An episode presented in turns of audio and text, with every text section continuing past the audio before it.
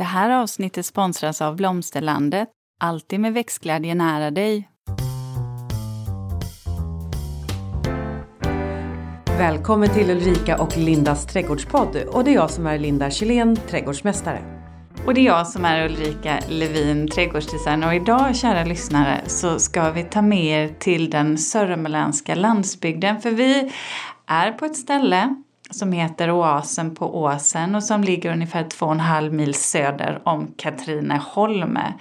Och Linda, jag tycker det känns lite som du vet svenskt sommarlandskap, lite så här drömskt, lite ja men idyll, utopiskt nästan, ungefär som du beskriver ett typiskt romantiskt svenskt sommar-Sverige. Eh, ja.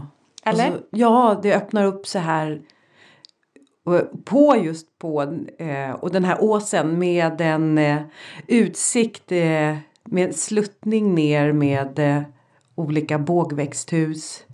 Och det sjuder verkligen av liv. Både märker man ovan jord med olika djur. Höns, fas, inte fasaner, ja det finns säkert vilt. Men höns och kalkoner, grisar, får. Och sen har vi ju allt som sjuder i marken. Det, det växer här. Grönsaker ja. och dahlior. Och det är vackert. För så här är det. Idag ska vi faktiskt prata grönsaksodling. Vi ska prata lite mer ingående om tunnelväxthus och kanske en del om skörd men också hur man kan förlänga sin odlingssäsong. För vi har med oss dig, Marianne Fargo.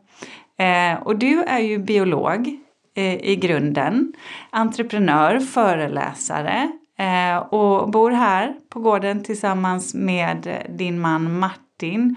Och ni gick ju från, från ett litet, alltså en liten radhusträdgård till det här som är någonting helt annat. Så först säger jag välkommen. Tack. Och sen, kan inte du beskriva platsen och de olika trädgården eller rummen som ni har? Ja, absolut. Och som sagt, när vi flyttade från radhuset så var ju trädgården ungefär lika stor som den här lilla gäststugan vi sitter i. På ungefär 20 kvadrat. Och nu har vi ju då 4,5 hektar. Varav ungefär två är jordbruksmark, två skog och sen en halv hektar tomt eller vad man ska säga. Och det började ju egentligen inte med att vi hade en storslagen plan på hela, hur vi skulle anlägga hela gården, utan vi började med det som jag kallat för norra köksträdgården. Och då stod vi där mitt på den tafatta gräsmattan på sandmarken och tänkte vart ska vi börja? Och då började vi gräva precis där vi stod och planterade sparris. Och eftersom det är så sandigt där så upptäckte vi ganska fort att man måste sikta på perenner, alltså saker med lite större rotsystem så att vi inte behöver vattna ihjäl oss. Och inte då som sallad till exempel som du sa som ett exempel. Ja, för första året vi odlade var sommaren 2018. Det var jättevarmt och vi var nyinflyttade så vi hade ju ingen aning om vad brunnen klarade så vi försökte ju med mångt och mycket vattna med spillvatten från köket och det var ju givetvis att vi tog från brunnen men vi hade ingen utkastare på huset så allt vatten var vi tvungna då att gå in i huset, fylla i badkaret för det var det enda stället man fick plats med en vattenkanna. Och sen gå ut igen. Så ni förstår att det var lite mäckigt helt enkelt. Eh, och därefter så tog det ju några år innan vi anlade södra köksträdgården. För vi har renoverat huset en hel del. Och det har ju varit upplagsplats och blivit lite sönderkört och uppgrävt för vi har bytt avloppssystem och sådär. Så det anlade vi påskhelgen eh, 2020.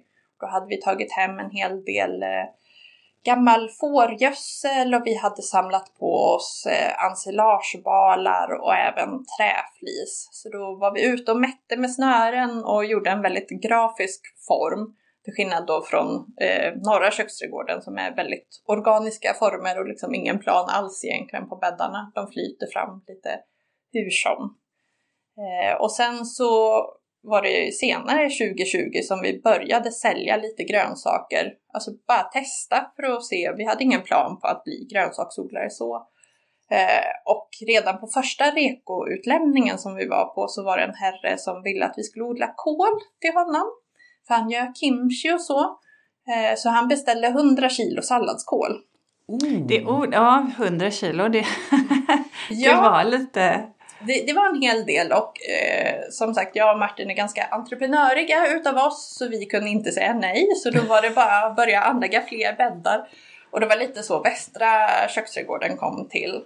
Eh, och sen så vart vi väldigt taggade och sporrade på det här med att sälja grönsaker. Det var så kul att prata med alla människor som uppskattade maten precis lika mycket som vi gjorde för att maten man odlar själv smakar ju helt Det gör det, det är så stor skillnad. Och vi kanske ska förklara eh, det, vad, vad rekoring är. För jag tror inte att alla lyssnare kanske har, känner till det här. Och det här är ju någonting som är väldigt lokalt och som finns, eh, som man kan kolla upp där man bor faktiskt. Jag använder mig av det.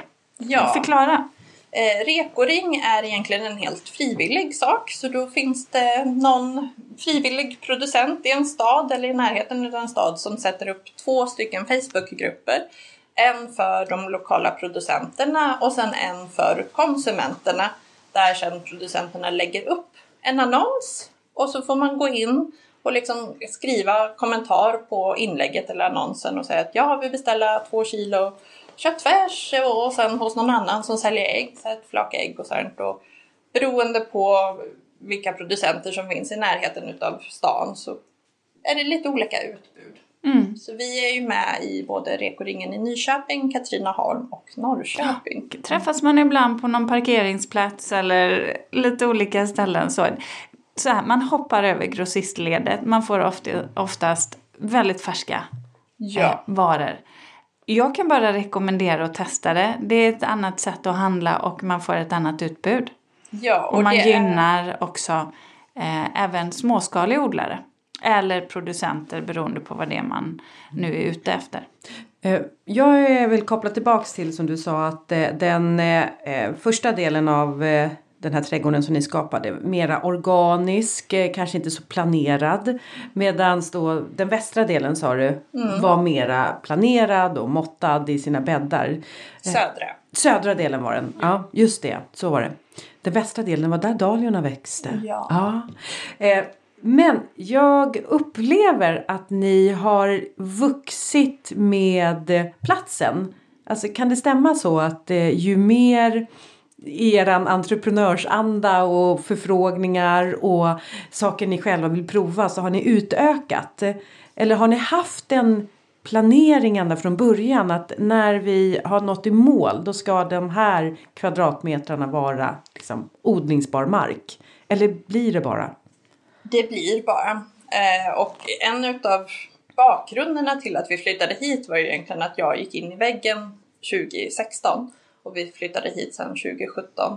Och hade jag vetat att om fem år så kommer gården se ut som den gör idag, då hade jag vägrat flytta hit. Utifrån liksom att jag inbillar mig om hur mycket jobb det är och det har ju varit hysteriskt mycket jobb. Men jag hade ju aldrig blivit så frisk som jag är idag om vi inte hade liksom haft de här trädgården och liksom ju mer vi har pysslat här desto större har drömmarna blivit. Eh, och dessutom ju friskare jag har blivit desto svårare har jag haft att begränsa Martins drömmar för att jag har börjat få mina egna storslagna projekt och idéer. Säger du att det också är viktigt att vara två för er? Att ni har haft varandra i det här? Absolut, för det är många, den vanligaste frågan vi får är hur hinner ni med? Och det är väl för att vi har inget annat liv. Vi, alltså gården är ju vårt liv. Det är en livsstil helt enkelt för Ja. er. Mm. Och eftersom vi, det vi jobbar med där vi får lön är ju också ett eget företag så vi jobbar ju hemifrån. Så vi har ju ingen pendlingstid, vi har inga småbarn, vi har ingen TV. Ehm, Så det blir ju att all annan tid som, eller liksom all vaken tid är ju gården. Att vara med djuren och trädgården och sådär. Vet du vad, jag brukar också få den frågan. Men hur hinner du med? Och då får jag nästan lite så här. jag, ska, jag, får lite, jag känner mig lite skyldig. Uh, jag vet inte varför det väcks inom mig och jag måste gå till, för, till svar eller försvar. Mm. Uh, att jo men det är för att jag gör så här och så här och så blir jag lite tveksam till att jag kanske inte borde hinna med. Eller alltså, är det något som inte stämmer här? Alltså det väcker frågor inom mig. Jag tycker, det, jag tycker att det är jobbigt att få sådana frågor. Mm, jo, men det tycker jag också. Och någonting som jag insett är ju att jag borde mer eller mindre svara att du vet inte vad vi inte gör. För att vi har ju alla 24 timmar på vårt dygn och alla har ju liksom planerat in vad det är de gör hela tiden. Så att saker vi är till exempel dåliga på det är ju inte att vi är hysteriska med att städa till exempel. Eh, och som jag sa, vi pendlar ju ingenstans och det finns ju massa saker som är väldigt normalt i andra människors liv som vi inte gör. Och därmed så har vi då tid att göra andra saker. Mm. Men det är ju så här att väljer man en sak att göra en sak så väljer man ju alltid per automatik bort att välja att göra någonting annat. Det man själv kanske behöver fundera över det är ju att våga välja det man helst av allt vill göra och det som får en på lång sikt att må bra. Eh, istället för eh, kortsiktiga belöningar kan, är ju väldigt triggande för hjärnan. Men, men det handlar ju om val. Mm. Och eh, det skulle vara jädrigt, återigen tillbaka till det, det är tråkigt om alla lever sitt liv på exakt samma sätt. Ja. Så att, eh, då men, jag, men då har jag en fråga. Ja. Apropå det och det är att det känns ju som att ni har en tydlig vision om hur ni vill att gården ska skötas. Både ja och nej. Um, någon, eftersom jag och Martin är biologer i grunden så ligger det som en grund för oss det här med biologisk mångfald och kretslopp och vi har ett litet eh, pågående halvprojekt, så här, hur mycket biologisk mångfald kan två biologer skapa på 4,5 hektar? Och då handlar det också mycket om att skapa habitat och inte nödvändigtvis att vi måste liksom plantera massa olika sorters växter eller så. Och också så är målet med alltihopa är att vi ska vara så självförsörjande som möjligt. Det här är våran trygga lilla bubbla så att oavsett vad som händer där ute i världen så klarar vi oss. Eh, och det märktes ju väldigt tydligt också när pandemin kom. Våra liv ändrades inte särskilt mycket. Eh, och vi, samma sak nu när alltså, matpriserna skenar. Vi är ju helt självförsörjande på grönsaker, helt självförsörjande på kött och ägg och så. Eh, det är klart att alltså, vår maträkning har ju också gått upp. Men den har liksom inte drabbat oss på samma sätt som folk som måste handla all sin mat på butiken. Man kan säga att ni blir inte lika konjunktur eller känsliga eller samhällets liksom, förändringar känsliga på det sättet. Men ni måste ju haft en hel del investeringar ändå tänker jag. Med både växthus och växtmaterial som har tagits hit och ni har ju anlagt. Ja, och det är också en av anledningarna till att vi inte har fått ut en enda krona i lön från gårdsföretaget. För varenda öre som vi drar in därifrån använder vi för att investera gården för att få den så färdig som möjligt så att när vi sen är pensionärer så är liksom allting klart och fixat. Eh, så vi har ju investerat väldigt, väldigt aggressivt i gården. Men det är också just för att vi har haft ett annat jobb eh, som vi har liksom kunnat få lön ifrån och då har man ja, men kunnat satsa på det sättet. Mm.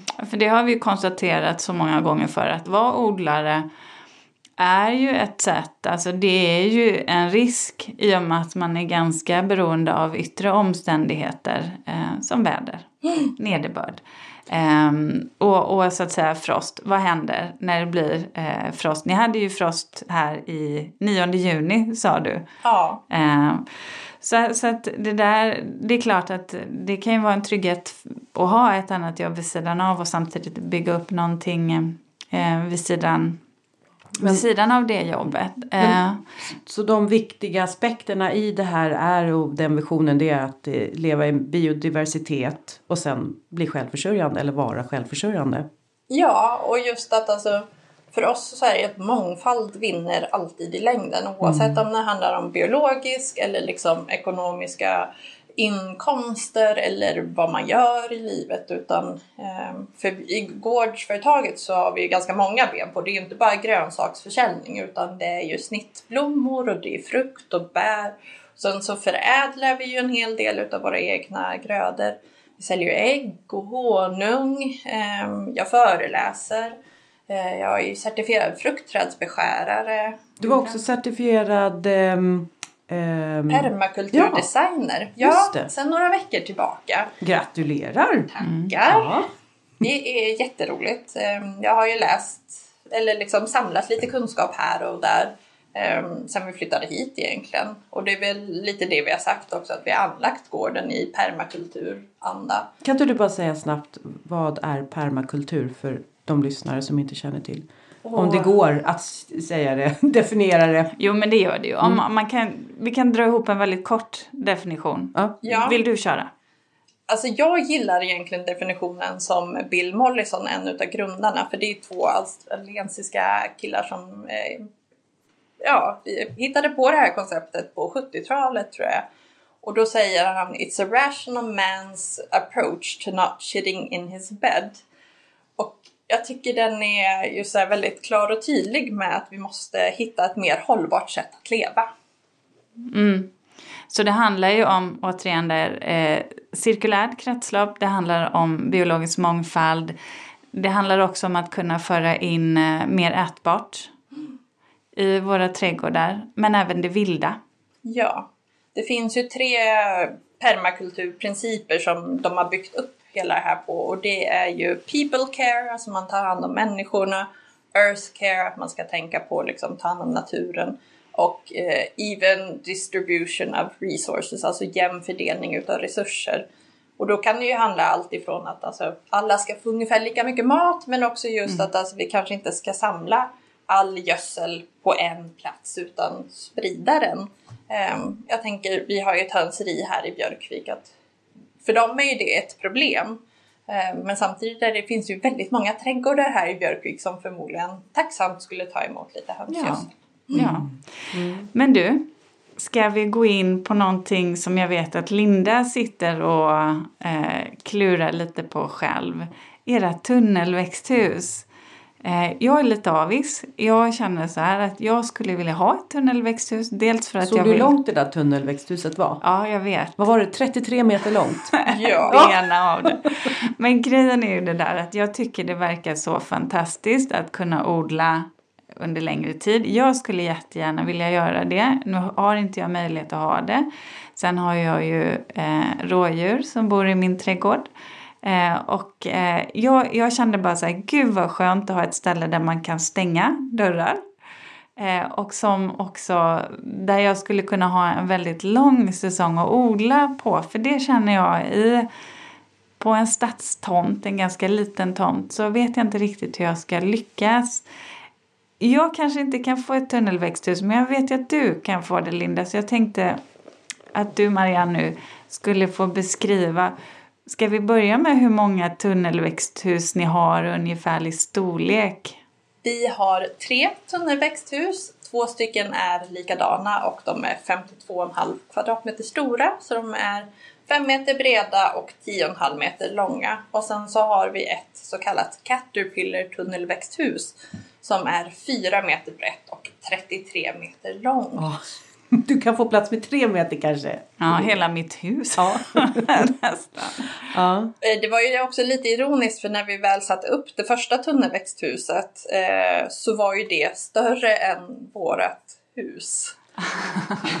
för vårat eh, hus hade, ja, hade en byggarea på 40 kvadrat. Eh, och sen så var ju då tunnelväxthuset 52,5. Ja, det är ju fantastiskt. Men så här, Eh, alla kanske inte vet vad ett tunnelväxthus är och det är ju egentligen en metallstomme ja. eh, som sedan kläs med plast, Precis. eller hur? Ja. ja. Och det jag kan säga till alla som funderar på det här med tunnelväxthus. Jo, det kan vara bygglovspliktigt så att det behöver ni absolut kolla eh, med kommunen eh, om det är så att ni behöver bygglov eller så får ni använda er av de regelverk som finns. Attefallshus regelverk eller friggebod. Och Du grannhörande ska vi också säga, kan det krävas. Även om det här är, är flyttbart så att säga så, så ska man tänka på det har ändå väggar och tak. Ja. Så det behöver man, man behöver kolla upp det här om man vill skaffa ett, så har vi sagt det. Du eh, har ju provat olika tunnelväxthus. Eh, vad är din erfarenhet? Vad är det du tycker är eh, viktigt när man själv ska göra den investeringen? Att eh, dela med dig av din erfarenhet. Vi har ju nu bara sådana som har liksom eh, plastfolie så att säga som man drar över. Min bästa kompis har ju en som har liksom kanalplast eh, och det är väl också att många tycker tunnelväxthus är fula och inte köper dem utan, utan den anledningen utan de vill ha ett i glas och då brukar jag säga slänger i väggen, vi gifte oss i vårat och det var det vackraste jag någonsin har varit med om. Men det som jag tycker är en fördel med dem är ju just att man kan förlänga, alltså den varianten som vi har. Man kan göra, man kan köpa ett litet först och sen så kan man bygga ut dem väldigt, väldigt enkelt och eh, förhållandevis billigt. Så just om man kanske inte har all ekonomi då. Sen så är de ju billigare generellt än glasväxthus. Eh, och klimatet ska ju vara mycket mer jämnt i ett tunnelväxthus än vad de är i ett glasväxthus. Jag tycker, för mig är tunnelväxthusen viktiga just för vår, vinter och höst. Att odla i tunnelväxthus sommartid tycker jag är egentligen lite odrägligt för det blir så hysteriskt varmt där inne. Och vi var även lite förutseende i år för att det ryktades ju om att det skulle bli en väldigt varm sommar så vi beställde ju skuggväv och satte upp och det har varit en riktig lifesaver kan jag säga. Mm, så man har det även i tunnelväxthus alltså? Absolut. En sak som jag eh, tänkte på som, som tittar på nivåer direkt och som du faktiskt också berättade. Det är ju det där att tunnelväxthusen till skillnad från ett vanligt växthus eh, i till exempel glas. Tunnelväxthus kan ju ha en nivåskillnad från en kortsida, hörnet på en kortsida till den andra kortsidan. Också på långsidorna. Hos er skiljer det ju faktiskt en, en meter Ja. eh, nästan i nivåskillnad eh, på de här fem meter breda tunnelväxthusen. Det är ett ganska bra dropp.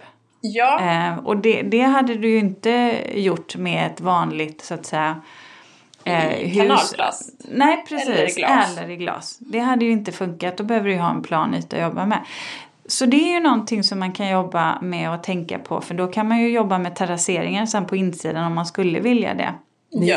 Mm, ni har era tunnelväxthus som hönsgårdar på vintern också förstod jag. Ja, den ena har vi det. Eh, eller hade det i alla fall i vintras. Så då hade vi ett gäng höns där inne som fick sprättas under jorden och så tog vi in två stycken ensilagebalar så att de kunde bearbeta in mera organiskt material. Så att det var ju som att ha en liten levande kompost där inne. Eh, vi har även höns i ett hönshus men en vanlig utgård som de flesta andra har.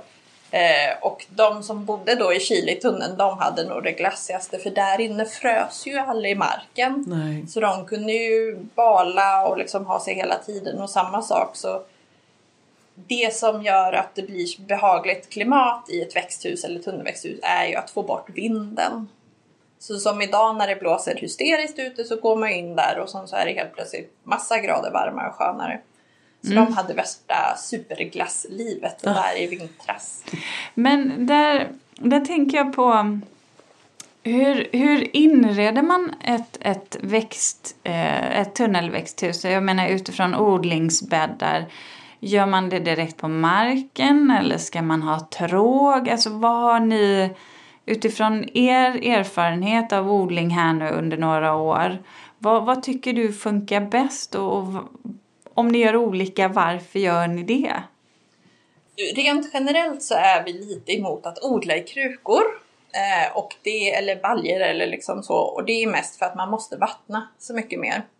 Sen så odlar vi ju faktiskt chili i stora baljor och det är just för att chili växer mycket bättre om de har varmare jord. Det är lättare för deras rötter att ta upp näringsämnen och så.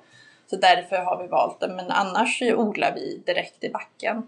Eh, Och i ena tunnelväxthuset som då står på den här väldigt sluttningen så har vi gjort en upphöjd bädd just för att komma ifrån de här nivåskillnaderna lite grann.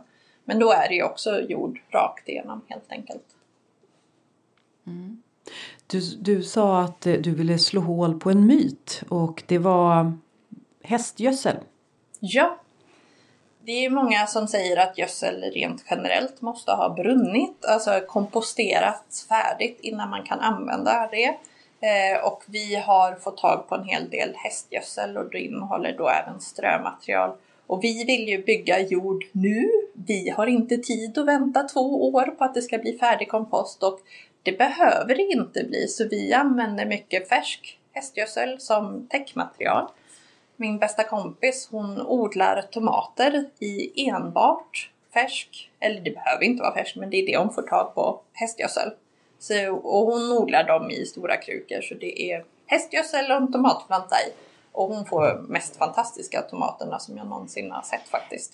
Får jag bara ställa en fråga som jag, jag vet inte om ni kan svara på det men jag, jag tänker Linda du har ju egna hästar.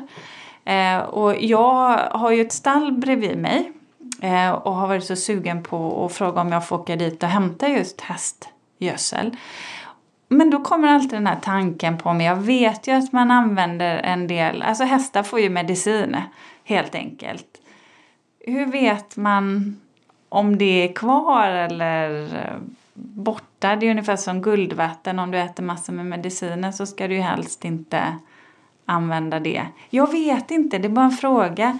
Är det, finns det massor med medicinrester kvar som kan påverka eller rör vi oss med så mycket mm. ämnen ändå?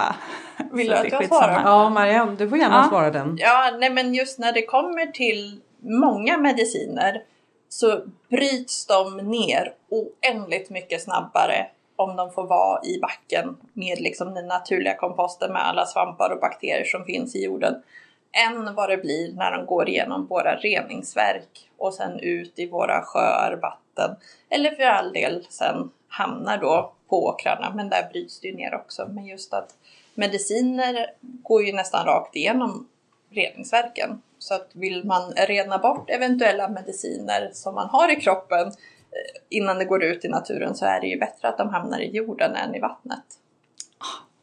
Då kan jag åka till stallet nu då med en släpkärra och hämta lite du kan, få, du kan få ta ja, jag, av, jag har funderat. Du kan få ta av mig, vi har inga mediciner. Nej, nej, precis, det var det min man sa också. Kan du inte, varför tar vi inte åker till Linda? Mm.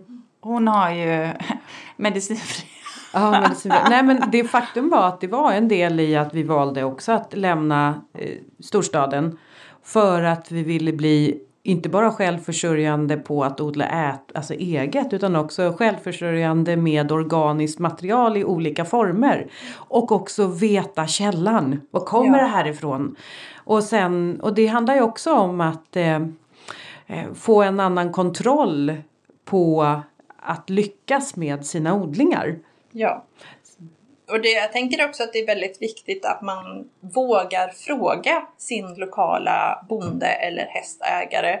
Ja men vad äter de? Får de mediciner? För det är också, jag tänker för oss har det blivit väldigt hajpat just att man ska vara kravodlad eller ekologisk. Men för oss som är så här små, mm. det är inte ekonomiskt rimligt. Nej. Men för det betyder ju inte att vi är eh, liksom besprutar en herrans massa och så kan det vara även med större eh, odlingar. Jag vet nu till midsommar just det här med att jordgubbar är ju den mest besprutade grödan vi har i Sverige näst efter potatis tror jag. Men det betyder ju inte att alla som odlar jordgubbar besprutar och att man faktiskt ska våga fråga vad använder ni egentligen? Mm. Mm. Mm. Ja det tror jag också. Det, det är bra att våga ställa den frågan mm. så man vet vad man stoppar i sig. Mm.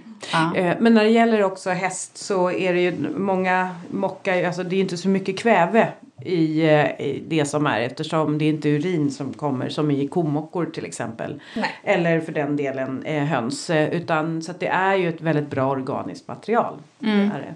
Ja. Ja, mm. ja, bra. Då, fick jag, då har jag fått svar på den frågan. Ja. Det var ju alldeles strålande. Eh, något som ändå är alltså, en kärnan till allt växande är vatten. Ja. Och ni har ganska stora odlingar. Eh, ni har en egen grävd brunn eller borrad brunn. Borrad. Borrad, ja den är ju bra. är bättre än vad vi, vi har grävd. Eh, men räcker den till för den här När vi började odla så, och vi har fortfarande ingen koll på alltså, hur djupt borren, eh, brunnen är borrad eller så, men vi utgick ifrån att brunnen inte kommer räcka. Ja. För vi tänkte att det är bättre att gå från den vägen helt enkelt. Så att vi har försökt bygga upp odlingarna ehm, så att, ja men till exempel norra där det är sandigt med perenner så att vi inte ska behöva vattna men också att vi samlar väldigt stora mängder regnvatten. Så alla tak vi har samlar regnvatten antingen i IPC-tankar, alltså sådana här stora vita eh, kärl som rymmer tusen eh, liter eller i regnvattendammar. Så totalt så tror jag att vi kan samla 21, lit, eh, 21 kubik. Eh, och det räcker ju ganska långt, så vidare det regnar någon gång då och då. Men vi hade ju en ganska torr period här nu så då har vi ju faktiskt fått använda vattnet ifrån brunnen. Men då har man liksom tänkt på lite andra sätt att, jag menar att vi ändå samlar alltså vatten från duschen och köket och vattnar det som är då Gråvattnet. närmast. Mm. Ja precis, och vattnar närmast huset. Både ju du och jag Ulrika tyckte att det var ganska eh, både snyggt, vackert, dekorativt eh, men också praktiskt för ni har ju anlagt dammar. Så leder ni ut en del av regnvattnet till de här dammarna i trädgården. Ja. Och det blir som fors, alltså rändalar eh, som vattnet rinner. Vi har ju gjort typ konstlagda bäddar, eh, eller bäddar, eh, bäckar heter det, från stuprännorna och sen så att det rinner rakt ner i våran regnvattendamm. Och det är just för att vi insåg att men har man en tunna så fylls den väldigt fort och den töms väldigt fort. Och alla tycker kanske inte en IBC-tank är det snyggaste man vill ha direkt bredvid huset. Vi har ju Alla här. får, har ju inte plats för dem ska man säga. Eller? Nej. Det, alla har ju inte eh, stora, eh, så stora ytor. Nej. Så det, det kan ju faktiskt vara ett problem. Om man inte kan gräva ner dem. Det kan man göra och sen ha en pump som man pumpar upp vattnet. Ja, Då får man precis. tänka till lite från början. Bra när man bygger hus. Ja, Det kan vara ett sätt. Att, Och sen med dammarna med tanke på diversiteten vi pratade om så får ni ju in också en annan eh, eh, säger man, eh, djur, eh, insekter. Ja, precis. Vi har hysteriskt mängder trollsländer här. Och sen så har vi såklart väldigt mycket småfåglar som där och badar och så. Så att nej men eh, dammarna har ju gjort väldigt stor alltså, skillnad för det biologiska livet här på gården. Linda, visst är vi stolta över att ha en sponsor till dagens avsnitt? Ja, och det är Blomsterlandet. En trädgårdsbutik nära dig med butiker över hela landet och en e-handel som är öppen dygnet runt. Välkommen! Jag tänkte på tunnelväxthuset där. Eh, för funkar det precis som ett vanligt växthus? Att man har, har ni värme i det? Hur ser det egentligen året ut? Alltså hur länge odlar ni i era tunnelväxthus? När börjar ni? Och när slutar ni att skörda? Och vad? För du säger att ni har egentligen tre säsonger, alltså stora. Höst, Vi- vinter och, så, och vår. Bortsett ifrån chilitunneln där vi har haft höns en vintertid så odlar vi i eh, det som vi kallar för Wonderland året runt. Så vi kan skörda saker därifrån Vad kallar ni det för? Wonderland. För den, det är lite alldeles i underlandet eftersom den är så sned och vind. Jaha, det, Eh, så att där finns det alltid saker att hämta året runt. Ehm, och det finns, det är väl också en sån här myt som att alltså, det går inte att odla ätbart i Sverige vintertid. Det finns hur mycket som helst man kan odla. ja men ge oss exempel. Men du får, ja, precis, Ja, berätta. ja, för, för det där, ja, jag tycker det är så intressant. Men du behöver ett eh, odlings, alltså ett tunnelväxthus eller ett växthus som du har marken som inte fryser i det. Alltså marken fryser ju i växthusen också beroende på hur kallt det är ute. Men en vintertid så gör det ju en väldigt stor skillnad med att det inte kommer en massa snö. För vi, vi odlar ju grönsaker till försäljning och vi säljer fram till jul. Och som i, det var i slutet på november tror jag att det var. Så skulle vi ju sälja en massa asiatisk salladskål. Och den vart ju begravd under fyra decimeter snö. Så det var ju bara att gräva sig fram. Medan hade vi då haft den i tunneln så hade det varit betydligt enklare att skörda. Ehm, Så att alltså, det är väldigt mycket som klarar sig även på friland. Eh, Men just det här med snön och framförallt också den här blöta nederbörden och sen så kan det liksom frysa direkt Mm. på bladen. Så det handlar ju inte om värme så vi har ingen värme Nej, i någon okej. av tunnelväxthusen. Eh, För det behövs inte. Nej, men vad, alltså vad odlar ni då? När, när börjar ni? För du säger att man kan skörda, men, men man kan väl ändå... Tomater kan du väl ändå inte skörda vid jul, utan det måste ju vara vissa grejer som du sår. Ja, och det är väl också en av tjusningarna med att vara helt självförsörjande att det blir en sån stor variation vad man äter. Eh, så säg att om vi börjar på hösten så brukar vi ofta plantera ut väldigt mycket spenat, för spenat övervintrar ju superbra. Man kan även gräva upp grönkål till exempel från friland och stoppa in just om man har rådjur till exempel. Ehm, till Ja. vårat bröllop så gjorde vi ju så att alltså, dekorationerna i tunnelväxthuset var ju bara grönsaker och då grävde jag upp väldigt mycket från friland och då var det ju allt ifrån ja men sallad och det var ju purjolök. Mycket asiatiska bladgrönsaker är oerhört köldtåliga. Ehm, så det var ju väldigt, väldigt fint. Och sen så fram på våren, ja men då kan man ju så rädisor väldigt tidigt och, och någonting som vi gör väldigt mycket är att vi sår inomhus. Och sen så, så fort det har tittat upp eller kanske efter någon, bara någon vecka eller två så planterar vi ut det i tunnelväxthuset trots att det är februari och minusgrader. Så länge jorden är tinad så planterar vi ut. För många små plantor utav lite köldtåliga saker klarar av kylan. För de är lite så här, när de väl kommer upp så är det så här, de vet egentligen inte hur förutsättningarna är och är beredda på allt. Medan har man en planta som har varit inne i det här mysiga 20 graders värmen i kanske en månad eller två och sen så ställer man ut den då blir det så här shit vad är det här? Uh, jag tycker inte om det. Ehm, så det är någonting vi har faktiskt fått tips ifrån en odlare i England. Det är lite det där med att plåga växterna. Ja, Eller hur? ja. Att, att de, är, de har eh, fler livsstrategier än vad vi kanske tror.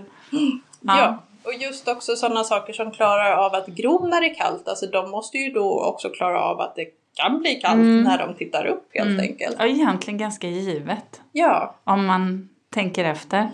så liksom sockerärtor skördar ju vi i maj och, sen, och många saker kan man ju låta liksom vara kvar i jorden. Alltså morötter, palsternackor, jordärtskockor. Och har man då problem med att marken fryser, ja men då kan man ju lägga tjockare lager med halm eller grankvistar för all del just för att försöka förhindra att det fryser så hårt så att man kan gräva upp det vintertid också. Smart.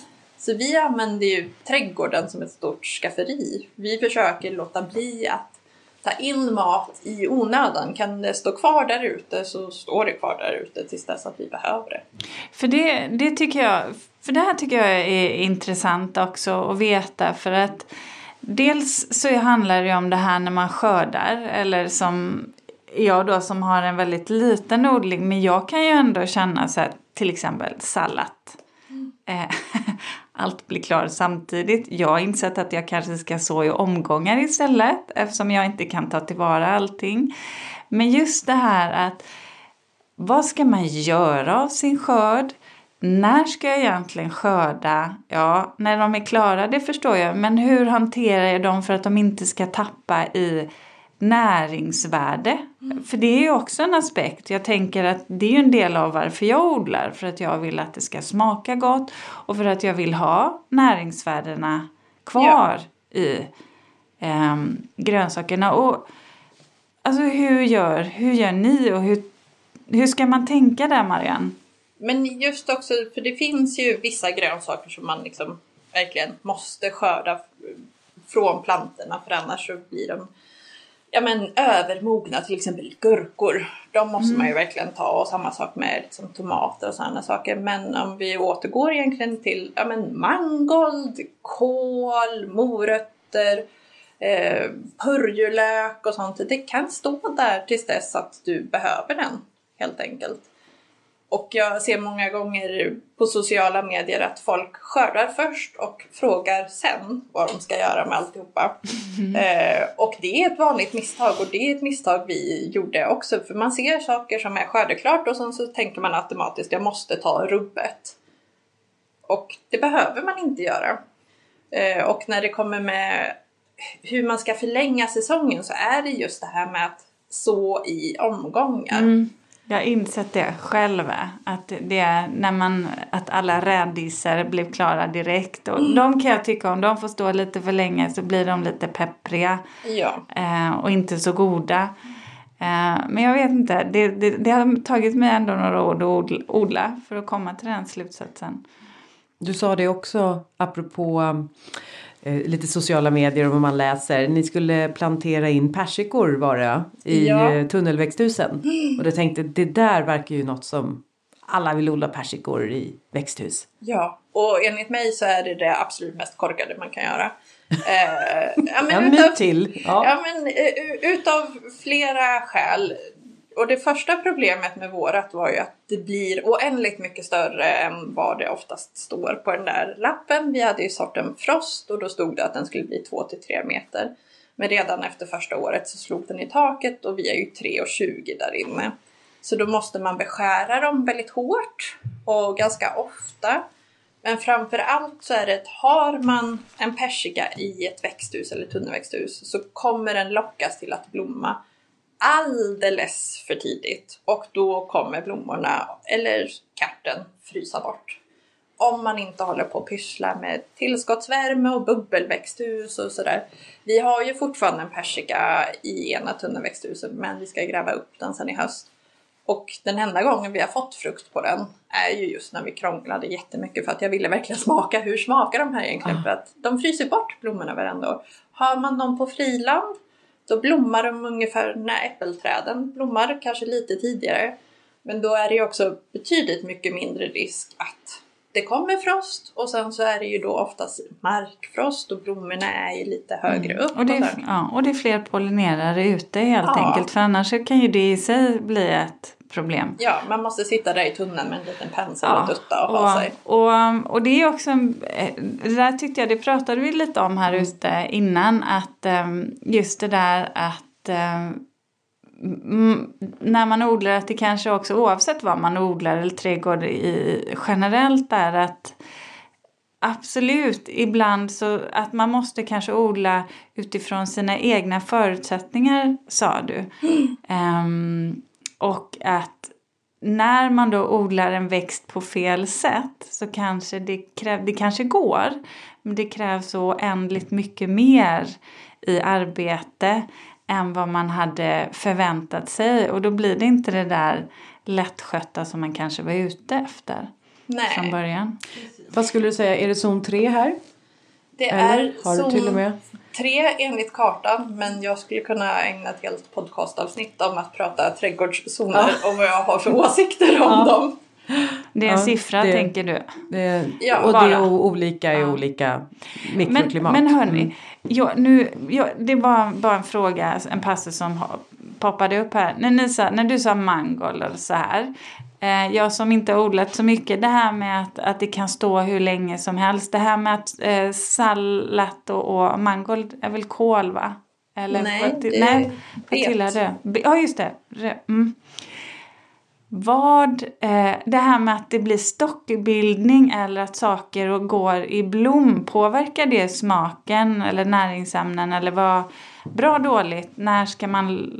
Ja, alltså går framförallt bladgrönsaker upp i blom så brukar det ju bli så att den slutar producera blad och då har man inte så mycket att skörda sen framöver. Eh, också just att smaken påverkas oftast lite grann för att ja, men med sallad att den blir bäskare för att plantan lägger ju all sin energi på att producera den här fina blomman och, och skiter då liksom i bladverket. Smakar nästan mineraler mera. Ja, mm. så att, alltså, det är ju också väldigt viktigt att välja sort sorter och det har vi märkt mer och mer nu när vi ska odla eh, lite mer professionellt till försäljning och sådana saker att man kan inte välja grönsaker ut efter hur snygga de ser ut på fröpåsen för att alltså, det är jättestor skillnad mellan pak choi och pak choi, alltså en asiatisk mm. kolgrönsak.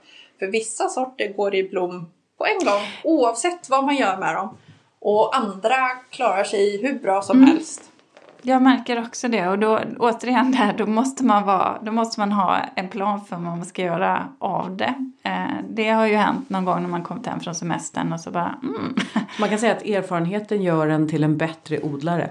Absolut, mm. och vi lär oss varje dag. Eh, och det var ju någonting vi pratade om också precis när ni kom. Att bara för att man kan odla på en plats betyder ju inte att man vet hur man odlar någon annanstans. Och att det därmed kan vara ganska svårt att ge råd till andra odlare för att jag vet hur min trädgård funkar. Och det märkte vi även bara när vi började odla på fler ställen här på tomten att det som funkar i norra det funkar liksom inte någon annanstans och liksom tvärtom. Så att det här med mikroklimat är väldigt, väldigt viktigt. Känner, ja. ja. Men du, känner du, apropå erfarenhet, känner du att det åren eller säsongerna blir lättare för er eftersom ni har upptäckt ganska mycket så att ni kan eh, planera utifrån det som ni redan vet, att det inte blir lika många överraskningar. Känns det som att årshjulet flyter på lättare?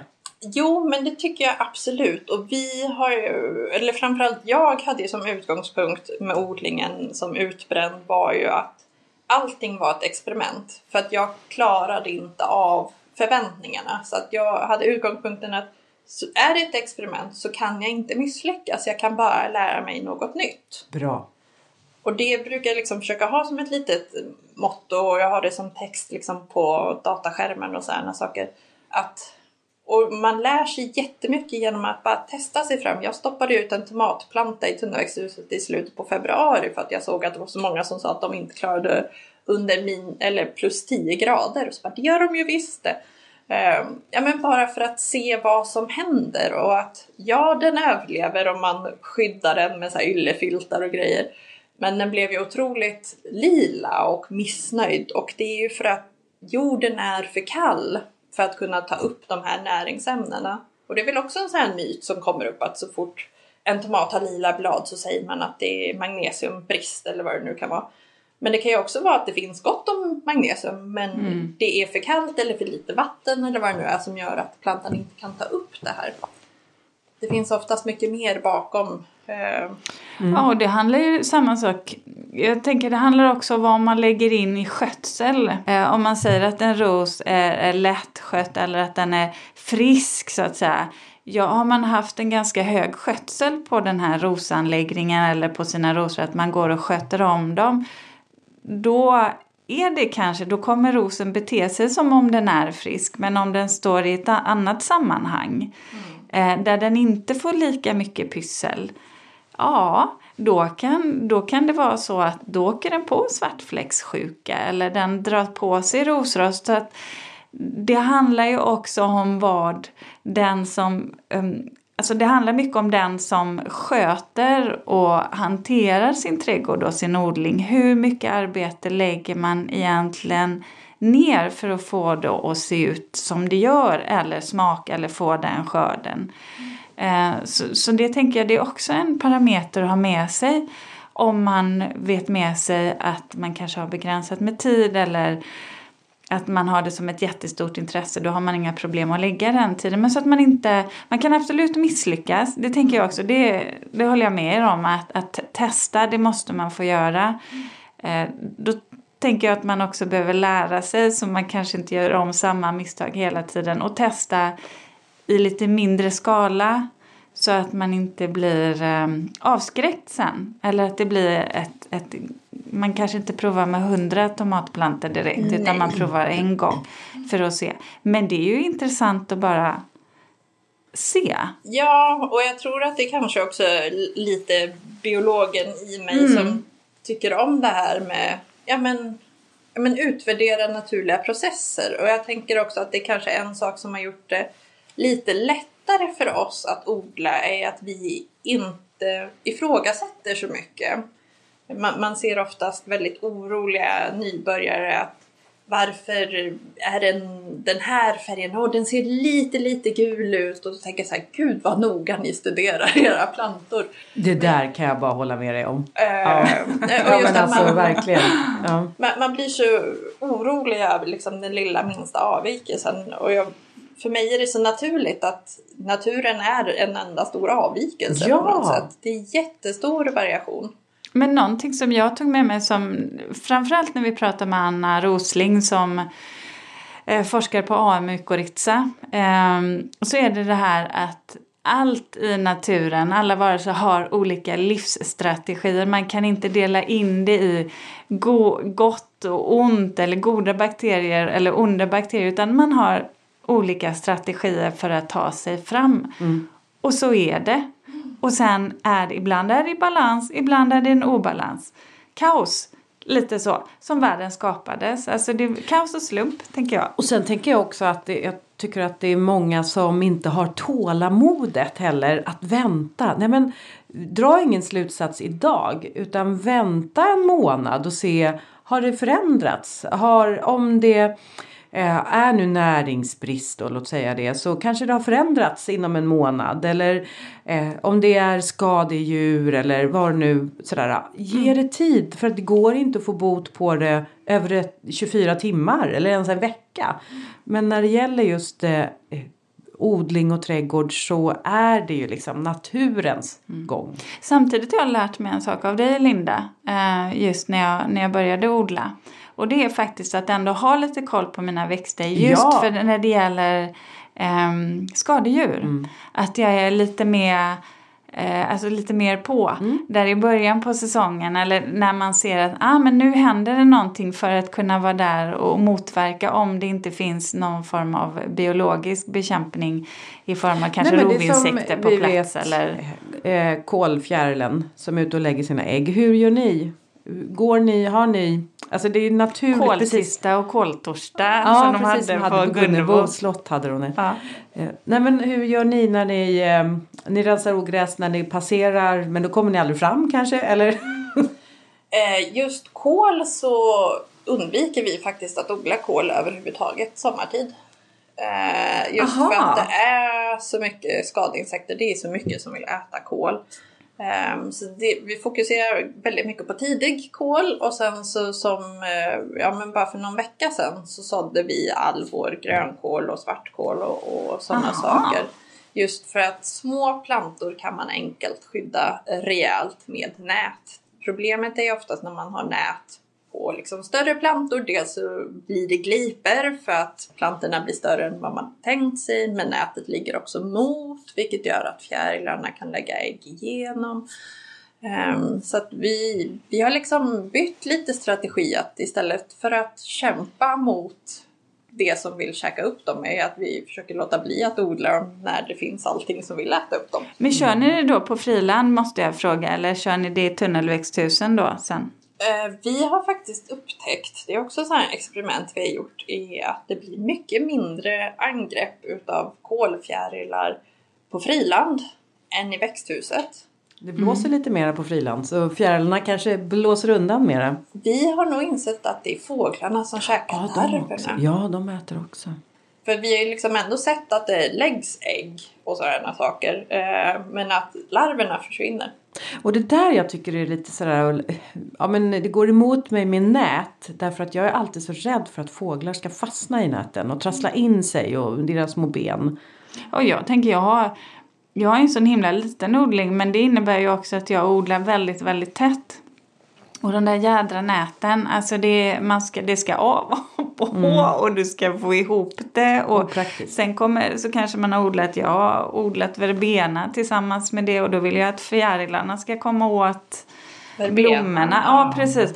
Så jag känner, nej jag, jag kör, jag måste skydda dem lite för att rådjuren går och äter upp dem. Men jag tänker, då behöver jag egentligen, jag skulle kunna ha något annat än ett nät som man bara kan metallställning eller någonting som man bara kan lyfta av som en liten luva eller någonting sånt så att, de, att jag får ha dem i fred. Men vad intressant. Men hörni, eh, vad säger du eh, Marianne om eh, era topp tre bland grönsaker, bär eller frukt? Varför? Ja, och Martin pratade lite om det igår. För vi fick ju förvarnan om frågan. Och vi insåg att så här, ja, men det beror ju på vilken aspekt man ska liksom topp tre ur vilken aspekt då. Men vi tänkte att om man rent ja, men kulinariskt och roligt att odla som odlare så är det persikor. För det är vi löjligt förtjusta i. Och de är ju väldigt vackra och det här med frukt och träd tycker vi båda om. Eh, och sen så vart det sparris. För det är ju också en sån här, att, alltså att frossa i sparris på våren, det är det är liksom Lyx. Ja, det, och, och smaken är helt fantastisk just när man kan äta dem alltså, droppandes färska liksom. Ja, det är ju super. Ja, och sen så inser jag just nu att jag totalt glömt bort vad det tredje var. Men fundera lite, sparris är ju också, och det vill jag säga, det är ju superenkelt att frysa in faktiskt. Just Ja. sparris är bra göra. Det gör vi, vi har sparrisodling i semesterträdgården faktiskt. Och där gäller det ju bara då att bestämma sig för vad man ska ha den där odlingen. Eftersom de är då perenner så att man vet att det här, här kom, och det tar ju ett par år innan man kan börja och skörda. Så man vill ju inte hålla på och flytta runt dem. Nej. Och någonting som jag har lärt mig numera från sparris är ju att man behöver något sätt att binda upp dem. Eh, för som ni märkte när vi gick runt så ibland får man liksom hoppa över de här sparrisstjälkarna som lägger sig ner för de blir ju Alltså, som en icke-odlare så ser man ju bara de här liksom, små skotten och så har man ingen aning om hur en sparris ser ut. Men de är ju som alltså, en och en halv till två meter höga liksom små Gängliga buskar eller Ja. stjälkar. Ja men som Ja. enorm dill Ja, kanske. precis. Vad heter det, men kom du på den tredje? Trillade den Nej, tillbaka ner men däremot så kommer, diskuterar vi även Ja. liksom vilka tre ur en, alltså jag vill ha mycket matsynpunkt. Ja. Så här självhushållningsgrej. Vad är värt att satsa på? För det kan ju vara, är det värt att satsa potatis? Eller är det ändå en sån billig gröda och som kräver ändå mycket mark? Kan det vara bättre att satsa på något annat? Eller?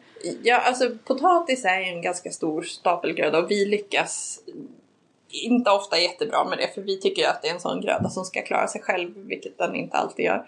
Eh, men då är jordärtskockor en utav mina favoriter. Jag såg dem där nere. Ja, och jag förstår verkligen inte hur det kom sig att potatisen var den som vann kampen över att bli stapelföda. För jordärtskockor får ju ingen potatisbladmögel. Jordärtskockor behöver inte kupas. De behöver inte tas upp och förvaras liksom på hösten. De har ungefär samma liksom näringsvärden så. Och sen så är det väldigt många som säger men man blir ju gasig i magen. Och ja, till att börja med.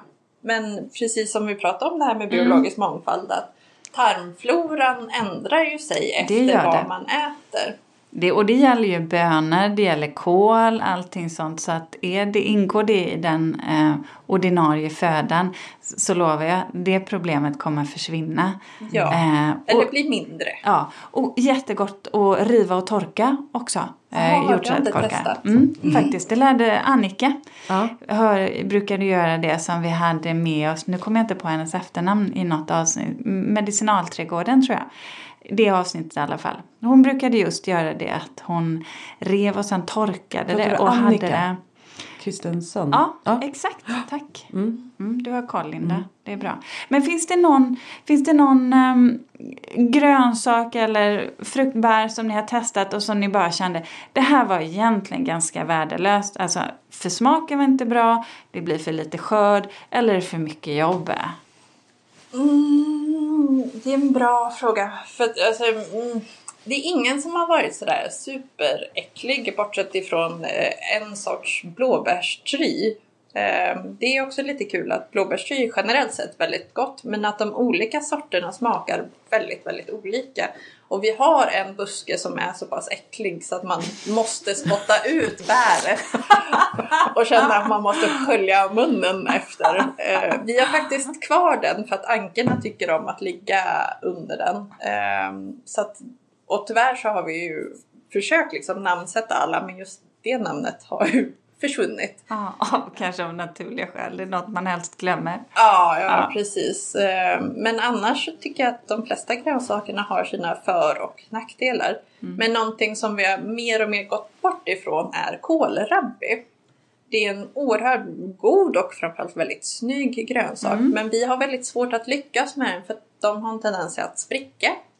Eh, och framförallt när de är små, då blir de inte särskilt stora. Eh, och tycker att majrovor fyller ungefär samma funktion mm. men de växer också oändligt mycket fortare eh, och tycker också att de är faktiskt lite godare. Så att vi har bytt bort kålrabbi till majrovor. Ah. Mm. Du, jag är nyfiken på att höra om det finns en plats här som ni tycker kanske lite extra mycket mer om, dit ni dras. Här. Om det är för att bara, jag behöver bara gå iväg och samla tankar och vart är det ni går då? För ni har så många olika rum ja, och hus, precis. djur, hagar. Ja, och, och det var någonting vi snappade upp från Ernst ganska tidigt att det är bra att ha många olika sittplatser för alla fyller sin olika funktion. Men eh, dels att sitta i västra köksträdgården bredvid regnvattendammen för där är det nästan alltid lä oavsett vart det blåser ifrån och så har man väldigt fin utsikt över trädgården. Eller så är det på trappan till hönshuset för att vara nere med kalkonerna för att jag tycker att jag älskar verkligen Ja, du sa det. Att kalkonerna tyckte du var trivsamma djur. Ja, nej men de är oerhört sociala och vi är liksom en del utav flocken. Så när vi kommer dit så liksom kommer de och så hälsar de på oss och så kan de liksom lägga sig bredvid och putsa sig lite grann och sånt. Jag tycker de är störtsköna. Mm. Jag tyckte det var så roligt du sa det, att de var lite så finurliga, tänkte lite men sen nådde inte hissen alltid rätt mål. Nej precis, alltså de, de tänker men det blir inte alltid en bra slutsats. jag tyckte det var lite roligt. Men du eh, Linda, jag tänker det, det är faktiskt dags att avrunda mm. avsnittet. Vad, vad, tar du, vad tar du med dig från jag det här avsnittet? Jag tar med mig att eh, Marianne du sa det vi gör är ett experiment. Och då släpper vi också prestationen. Och sen så kan vi också om andra undrar så ja kan man säga det. Jag får ju ofta frågor hur gör du? Eller, eh, och jag känner alltid att jag måste alltid göra det korrekta och det, det riktiga. Men jag kan också få tillåta mig att säga att jag experimenterar. Eh, så det tar jag med mig. Eh, mm, ifrån. Klokt. Ja, gör jag. Eh, och du då Ulrika? Jag tror jag ska tänka till eh, en hel del kring det här med hur jag skyddar mina växter för att också kunna låta dem stå kvar. Eh, dels eh, ute i, eh, i odlingsbädden helt enkelt, att så i omgångar men sen också verkligen, verkligen se om kan jag få ett minitunnelväxthus bara över, över mina odlingsbäddar eh, lösa det så för att kunna förlänga odlingssäsongen. Jag skulle så gärna vilja göra det. Mm. Eh, eh, åsen på Åsen. Ja. Hit är man välkommen och på besök. Ja, mm. nu i sommar så har vi öppet alla lördagar i juli och även första lördagen i augusti. Och sen så i mitten på september eh, så är det en helg när vi är öppet för då är det någonting som heter aptitrundan i hela Sörmland så det är väldigt många gårdsbutiker som och lokala producenter som liksom öppnar upp och välkomnar. Och om man kommer hit en lördag, vad är det man möts utav då? Är det en guidad tur? Är det, eh, får man gå runt som man vill här? Får man själv plocka? Eller vad? Um, man får knata runt i trädgården i stort sett precis vart man vill. Vi spärrar av några enstaka ställen där vi inte vill att folk går. Så kan man ta en kopp kaffe, vi säljer lite fika men vi säljer ju även en hel del av det vi producerar ut efter säsong. Så det är lite olika grönsaker. Eh, finns det dahlior så säljer jag buketter utav det och ägg. Den första dahlian hade börjat blomma här nu. Ja, jag vet och den var så snygg. Ja, den var så snygg. och sen vi... har ju du, eh, sen har ju ni ett, eh, ett Instakonto också. Det lägger vi, vi länkar ju till det i vårt Linktree som ni vet. Så det är bara att gå in på Ulrika och Linda Eh, så, så hittar ni kopplingen till oasen på åsen där. Stort tack för att vi har fått komma hit och för att du har delat med dig av din kunskap. Mm.